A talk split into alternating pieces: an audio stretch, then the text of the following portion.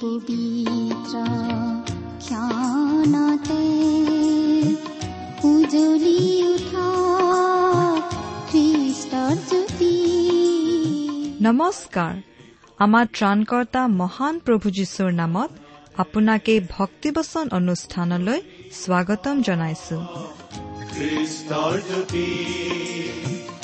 আকাশ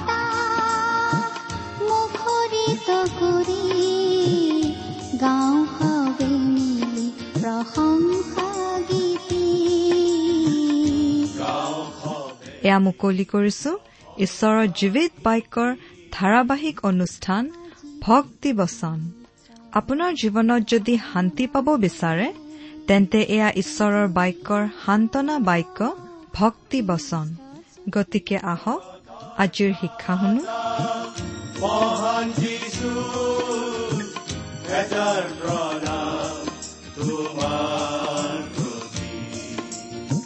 গ্ৰহণ কৰাই ভক্তি বচন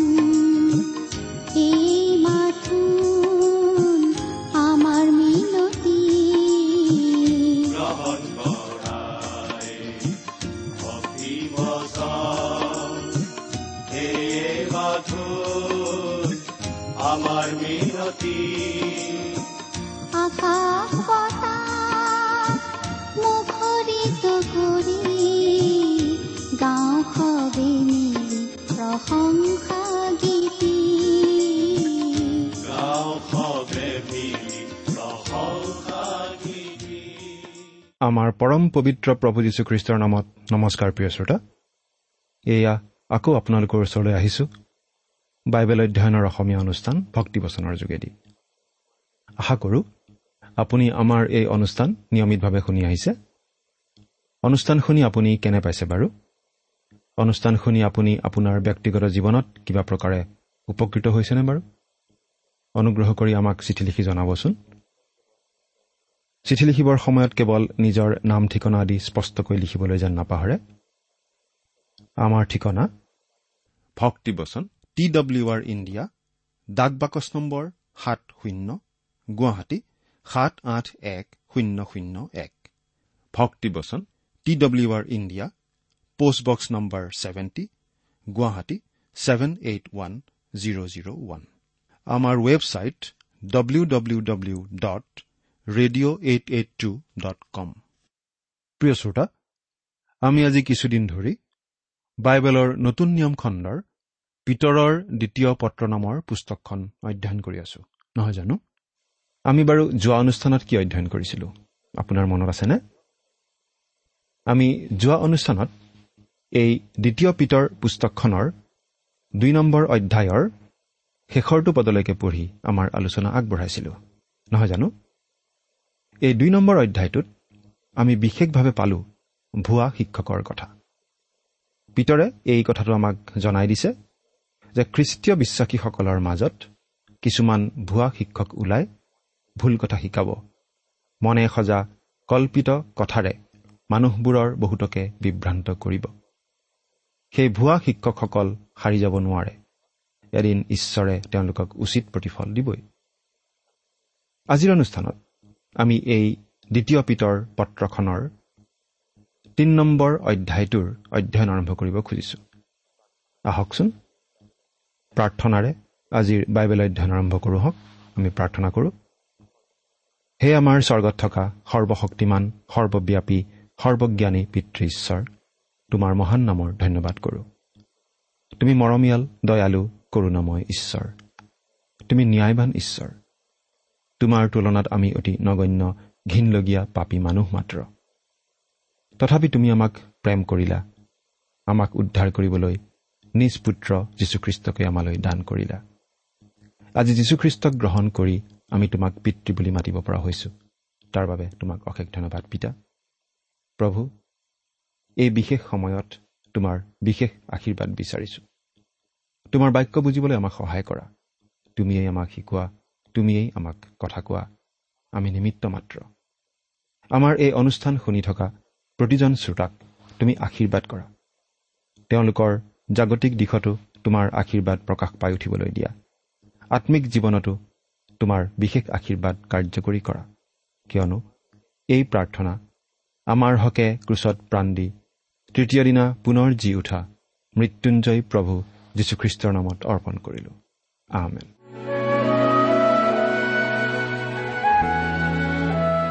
আহকচোন প্ৰিয় শ্ৰোতা। এতিয়া আমি পিতৰৰ দ্বিতীয় পত্ৰখনৰ তিনি নম্বৰ অধ্যায়ৰ অধ্যয়ন আৰম্ভ কৰোঁ। এই তিনি নম্বৰ অধ্যায়টোত তিনিটা প্ৰধান ভাগ আছে। প্ৰথম ভাগটোত আমি পাওঁ প্ৰভু যীশুৰ অচিৰেই হ'বলগীয়া পুনৰ আগমনৰ বিষয়ে আমি কেনেকুৱা মনোভাৱ দেখুৱাওঁ সেইটোৱেই আমাৰ খ্ৰীষ্টীয় বিশ্বাসৰ এটা প্ৰমাণ। দ্বিতীয়তে দ্বিতীয় প্ৰধান ভাগটোত আমি পাওঁ এই জগত সম্বন্ধে ঈশ্বৰৰ বিশেষ আঁচনি বিশেষ সময়সূচী। আৰু তৃতীয়টো ভাগত আমি পাওঁ খ্ৰীষ্টীয় বিশ্বাসীসকলৰ প্ৰতি থকা কিছুমান উদগনি বাক্য। পিতৰে লিখা এই পত্ৰখনৰ এই তৃতীয় অধ্যায়টো অতি সুন্দৰ অতি গুৰুত্বপূৰ্ণ অধ্যায়।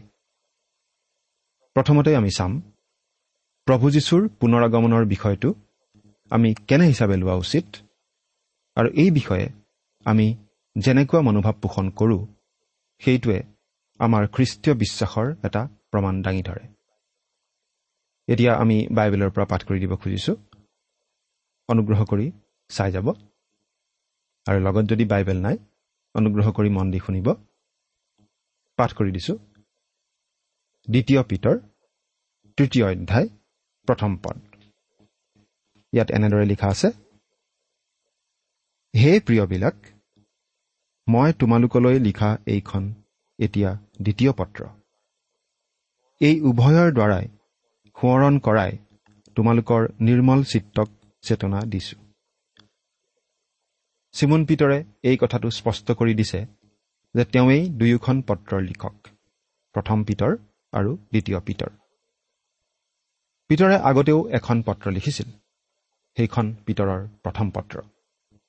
সেইখনৰ পাছত তেওঁ এই পত্ৰখন লিখিছিল আৰু সেইবাবে এইখন পিতৰৰ দ্বিতীয় পত্ৰ।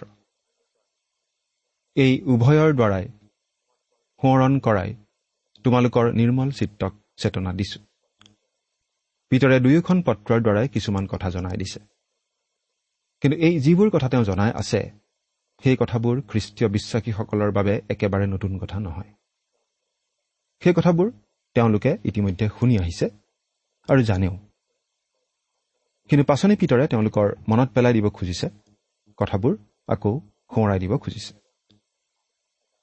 এজন মানুহে এবাৰ অলপ ৰসিকতা কৰি কৈছিল মোৰ স্মৰণ শক্তি খুব প্ৰখৰ কিন্তু মোৰ সমস্যাটো হৈছে মোৰ পাহৰা শক্তিটো আৰু বেছি প্ৰখৰ। আমাৰো বহুতৰেই এই সমস্যাটো আছে নহয় জানো? আমি কথাবোৰ খুব সোনকালে পাহৰি যাব খোজো। এই কথাটো আনকি চিমুন পিতৰেও নিজৰ অভিজ্ঞতাৰ পৰা ক'ব পাৰিব। প্ৰভু যীশুক শত্ৰুবোৰে গ্ৰেপ্তাৰ কৰাৰ সময়ত পিতৰে শত্ৰুবোৰৰ লগত একেলগে জুইৰ কাষত বহি আছিল। আৰু প্ৰভু যীশুৱে যে পিতৰক আগতেই কৈ থৈছিল যে তেওঁ তিনিবাৰ প্ৰভু যীশুক অস্বীকাৰ কৰিব সেই কথাটো পিতৰে পাহৰিয়েই গৈছিল। এই বিষয়ে আমি বাইবেলত এনেদৰে পাওঁ। পঢ়ি দিছো। এই কথা কওঁতেই কুকুৰাই ডাক দিলে। তাতে প্ৰভুৱে ঘূৰি পিতৰলৈ চালত আজি কুকুৰাই ডাক দিয়াৰ আগেয়ে তুমি তিনিবাৰ মোক আখৈ মাতিবা। এই যি কথা প্ৰভুৱে তেওঁক কৈছিল তাক সুঁৱৰি তেওঁ বাহিৰলৈ গৈ অতি শোকেৰে কান্দিবলৈ ধৰিলে।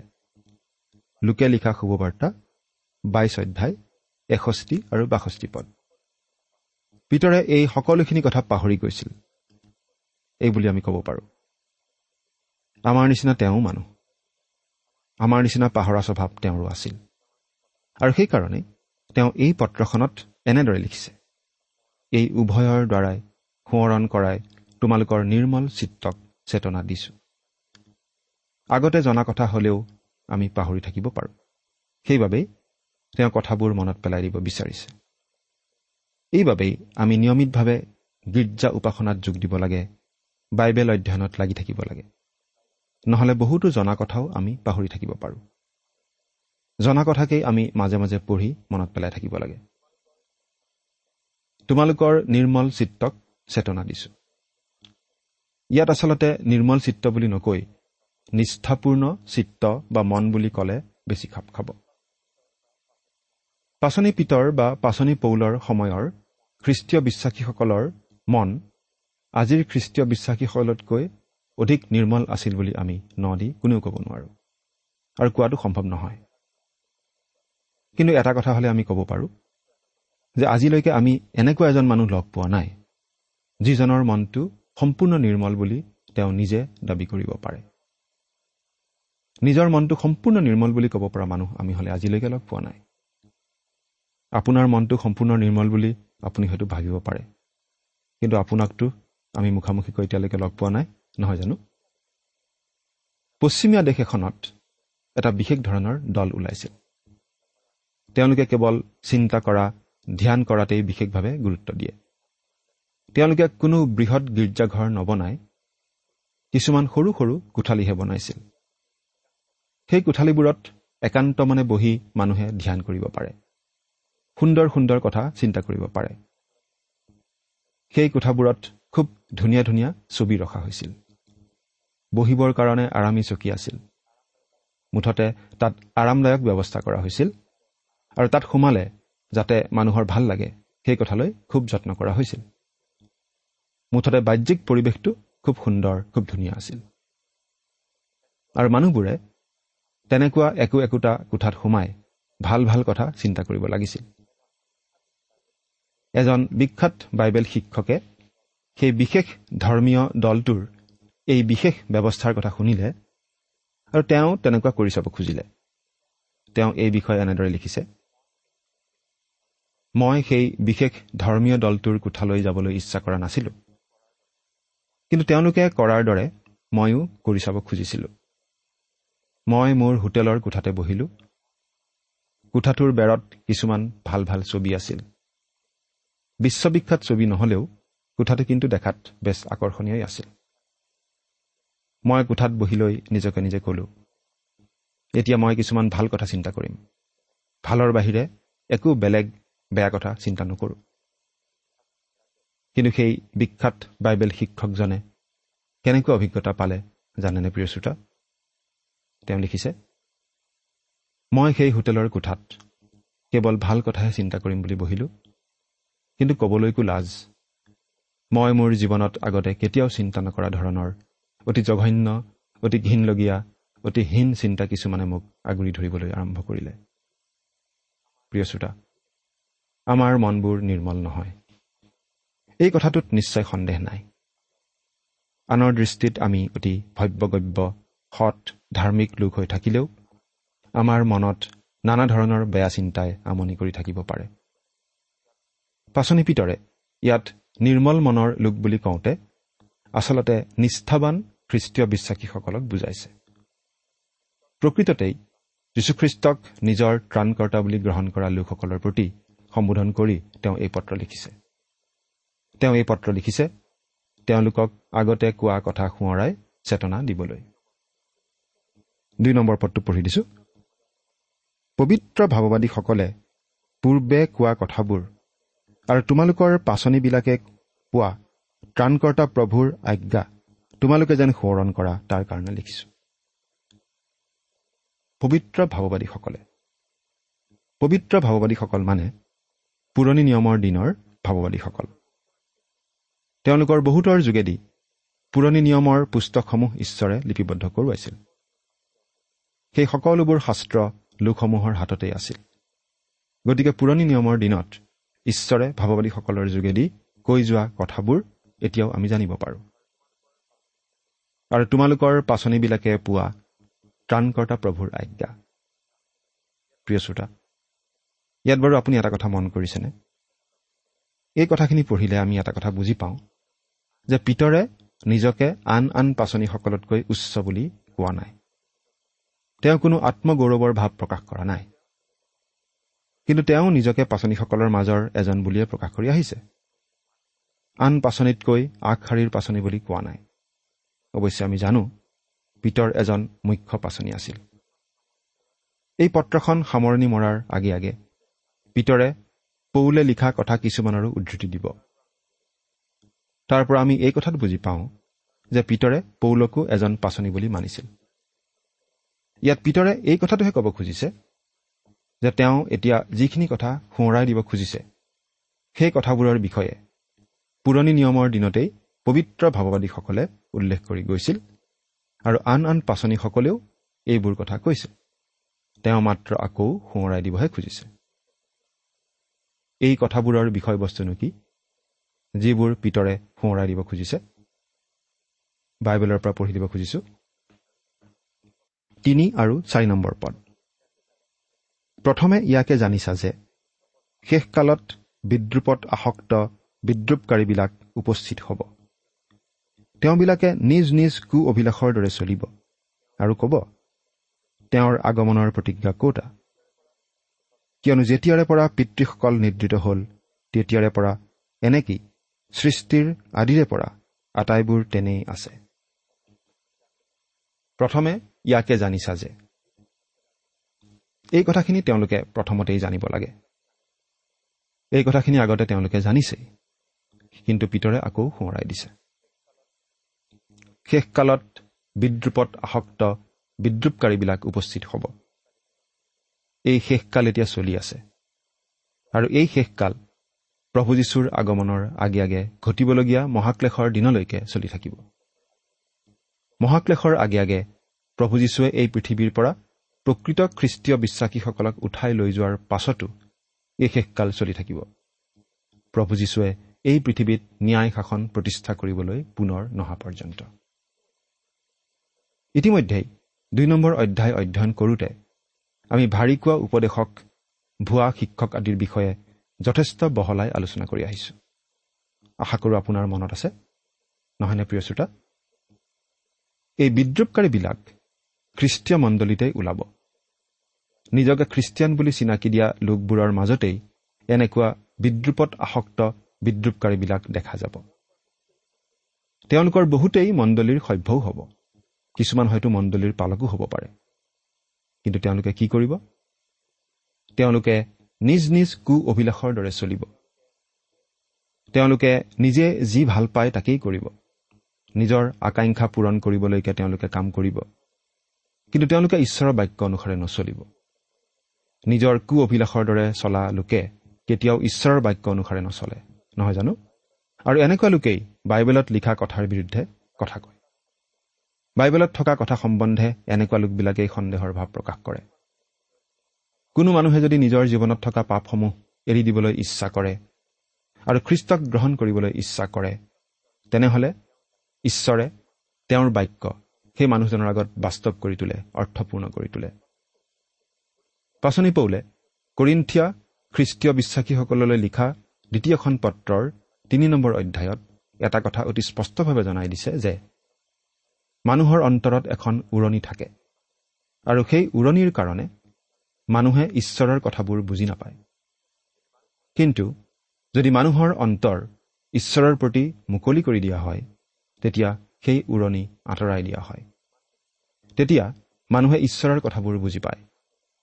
আগতে বুজি নোপোৱা কথাবোৰ অতি স্পষ্টভাৱে বুজি পাব পৰা হয়। এই বিদ্ৰূপকাৰীসকলৰ মূল সমস্যাটো চিন্তা শক্তি বা মেধাশক্তিৰ সমস্যা নহয়। তেওঁলোকৰ সমস্যাটো আন্তৰিক। অন্তৰত সেই উৰণি থকা কাৰণেই তেওঁলোকে কথাবোৰ বুজি নাপায় আৰু আনকো ঠাট্টা কৰে। সেই কথাবোৰ বিশ্বাস কৰাৰ কাৰণে। গতিকে এই বিদ্ৰূপকাৰীবোৰে মিছা যুক্তি দাঙি ধৰে অতি তৰল ভিত্তিহীন যুক্তি দাঙি ধৰে। তেওঁলোকে খ্ৰীষ্টীয় বিশ্বাসীসকলক বাৰু কি বুলি ঠাট্টা বিদ্ৰূপ কৰে? তেওঁৰ আগমনৰ প্ৰতিজ্ঞা কতা?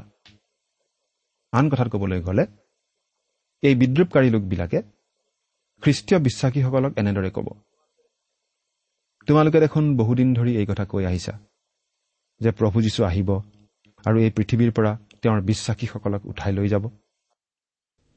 তাৰ পাছত বোলে সাত বছৰ ধৰি পৃথিৱীত মহাক্লেশ হ'ব। আৰু সেই সাত বছৰৰ শেষত প্ৰভু যীশু ৰজা হিচাপে বোলে এই পৃথিৱীলৈ আহিব তেওঁৰ ন্যায় শাসন প্ৰতিষ্ঠা কৰিবলৈ। এইবোৰ কথা তোমালোকে বিশ্বাস কৰি আহিছা আৰু আনৰ আগতো কৈ আহিছা। কিন্তু কতা? আজিলৈকে দেখোন প্ৰভু যীশু নাহিল। যীশুৰ পুনৰ আগমনৰ দেখোন একো উমঘামেই নাই? তেওঁ যদি প্ৰতিজ্ঞা কৰিছিল তেনেহলে পালন নকৰে কিয়? এইদৰে সেই বিদ্ৰূপকাৰী মানুহবিলাকে প্ৰভু যীশুখ্ৰীষ্টৰ পুনৰ আগমনৰ বিষয়টোৰ প্ৰতি সন্দেহ দেখুৱাব আৰু লগতে এই কথাটো বিশ্বাস কৰা খ্ৰীষ্টীয় বিশ্বাসীসকলক তেওঁবিলাকে ঠাট্টা মস্কৰাও কৰিব। প্ৰভু যীশুৰ পুনৰ আগমনৰ বিষয়টো কেৱল যে নাস্তিক বা খ্ৰীষ্টীয় বিশ্বাসৰ বাহিৰৰ লোকসকলেহে ঠাট্টা কৰিব এনে নহয়। আনকি খ্ৰীষ্টীয় মণ্ডলীৰ পুলপিতত থিয় হোৱা আৰু নিজকে খ্ৰীষ্টিয়ান বুলি চিনাকি দিয়া বহুতো লোকেও অস্বীকাৰ কৰিব। এই কথাটো বিশ্বাস নকৰিব আৰু সন্দেহ প্ৰকাশ কৰিব। এই কথাটো আচৰিত যেন লাগিলেও কিন্তু সঁচা। পুৰণি নিয়মৰ দিনত ভাৱবাদীসকলে বাৰু কি লিখিছিল? এই বিষয়ে আমি এটা কথা দেখা পাওঁ যে পুৰণি নিয়মৰ দিনত ভাৱবাদীসকলে খ্ৰীষ্টই এই পৃথিৱীত ৰজাস্বৰূপে ন্যায় শাসন প্ৰতিষ্ঠা কৰিবলৈ অহা বিষয়টো লিখিছিল। আৰু নতুন নিয়মৰ পাচনীসকলে কি লিখিছিল? তেওঁলোকে লিখিছিল যীশুখ্ৰীষ্টই আহি তেওঁৰ বিশ্বাসীসকলক এই পৃথিৱীৰ পৰা উত্তোলিত কৰি লৈ যোৱাৰ বিষয়ে আৰু তাৰ পাছতেই পৃথিৱীত সাত বছৰ ধৰি মহাক্লেশ হ'ব আৰু সেই মহাক্লেশৰ সামৰণিত খ্ৰীষ্টই ন্যায় শাসন প্ৰতিষ্ঠা কৰিবলৈ পৃথিৱীলৈ আকৌ ঘূৰি আহিব। এইবুলি তেওঁলোকে লিখিছিল। পুৰণি নিয়মৰ ভাৱবাদীসকলে কিন্তু কতো খ্ৰীষ্টীয় মণ্ডলীৰ বিষয়টো উল্লেখ কৰা নাই। তেওঁবিলাকে কেৱল খ্ৰীষ্টই এই পৃথিৱীত তেওঁৰ ন্যায় শাসন প্ৰতিষ্ঠা কৰিবলৈ আহিব বুলিহে লিখিছিল। প্ৰিয় শ্ৰোতা প্ৰভু যীশুৱে যে তেওঁৰ বিশ্বাসীসকলক লৈ যাবলৈ এই পৃথিৱীলৈ আহিব সেই কথাটো প্ৰথমে প্ৰকাশ কৰিছিল স্বয়ং প্ৰভু যীশুখ্ৰীষ্টই নিজে। এই কথাটো জোহনে লিখা শুভবাৰ্তাত আমি এনেদৰে পঢ়িবলৈ পাওঁ। পাঠ কৰি দিম। প্ৰভু যীশুৱে এনেদৰে কৈছিল মোৰ পিতৃৰ ঘৰত অনেক থকা ঠাই আছে। নোহোৱা হলে তোমালোকক কলোহেঁতেন। কিয়নো মই তোমালোকলৈ ঠাই যুগুত কৰিবলৈ যাওঁ। আৰু মই তোমালোকলৈ যদি ঠাই যুগুত কৰোগৈ তেন্তে মই যি ঠাইত থাকো তোমালোকো সেই ঠাইতে যেন থাকিবলৈ পাবা। এই নিমিত্তে মই আকৌ আহি তোমালোকক মোৰ ওচৰলৈ লৈ যাম। জোহনে লিখা শুভবাৰ্তা চৈধ্য নম্বৰ অধ্যায়ৰ দুই আৰু তিনি নম্বৰ পদ পাঠ কৰি দিলো। প্ৰিয় শ্ৰোতা প্ৰভু যীশু এই পৃথিৱীৰ পৰা গ'ল আৰু তেওঁ তেওঁৰ বিশ্বাসীসকলৰ বাবে ঠাই যুগুত কৰি আছে। প্ৰভু যীশুৱে যি ঠাই যুগুত কৰিছেগৈ যি ঠাই সাজু কৰিব ধৰিছেগৈ সেই ঠাই এই জগতত নহয়। বা জৈতুন পৰ্বতৰ সিপাৰৰ কোনো ঠাই নহয়। আমি গৈ চাব পাৰো তাত তেনেকুৱা কোনো ঠাই যুগুত কৰা হোৱা নাই।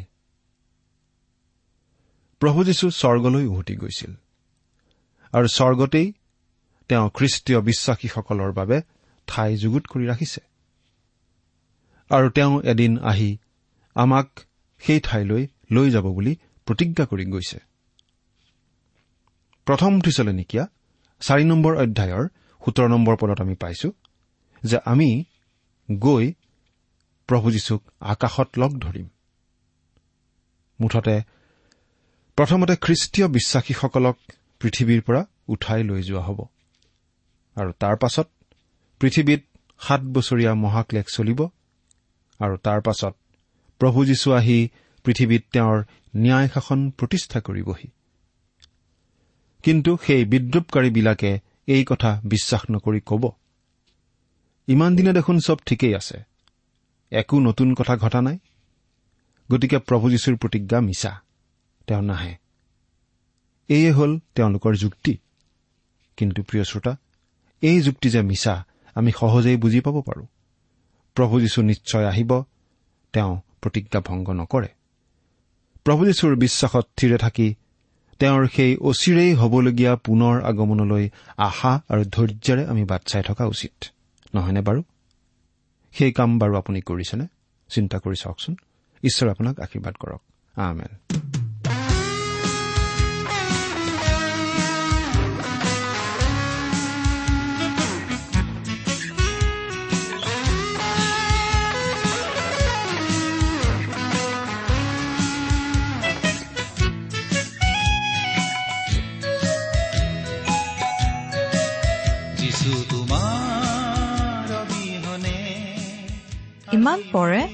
আপুনি ভক্তিবচন অনুষ্ঠানটি শুনিলে। অনুষ্ঠানটি শুনি কেনে পালে? আমালৈ চিঠি লিখি জনাবচোন। অনুষ্ঠানত প্ৰচাৰ কৰা কোনো কথা বুজিব লগা থাকিলেও আমালৈ লিখক। আমাৰ ঠিকনা ভক্তিবচন টি ডাব্লিউ আৰ ইণ্ডিয়া ডাক বাকচ নম্বৰ সাত শূন্য গুৱাহাটী সাত আঠ এক শূন্য শূন্য এক। ঠিকনাটো আৰু এবাৰ কৈছো ভক্তিবচন টি ডাব্লিউ আৰ ইণ্ডিয়া ডাক বাকচ নম্বৰ সাত শূন্য গুৱাহাটী সাত আঠ এক শূন্য শূন্য এক। আপুনি ইমেইল যোগেৰেও আমাৰ সৈতে যোগাযোগ কৰিব পাৰে। আমাৰ ইমেইল আইডিটো হৈছে Assamese T TV at radio' eight eight two dot com. আইডিটো আকৌ এবাৰ কৈছো। Assamese T TV at radio' eight eight two dot com. আপুনি টেলিফোনৰ মাধ্যমেৰেও আমাক যোগাযোগ কৰিব পাৰে। আমাৰ টেলিফোন নম্বৰটো হৈছে শূন্য তিনি ছয় এক দুই ছয় শূন্য চাৰি ছয় সাত এক। ফোন নম্বৰটো আকৌ এবাৰ কৈছো zero' three six one two six zero' four six seven one. আজিৰ অনুষ্ঠানটি ইমানতেই সামৰিছো। ঈশ্বৰৰ শান্তি আৰু অনুগ্ৰহ আপোনাৰ লগত থাকক। ধন্যবাদ। আজি মোৰে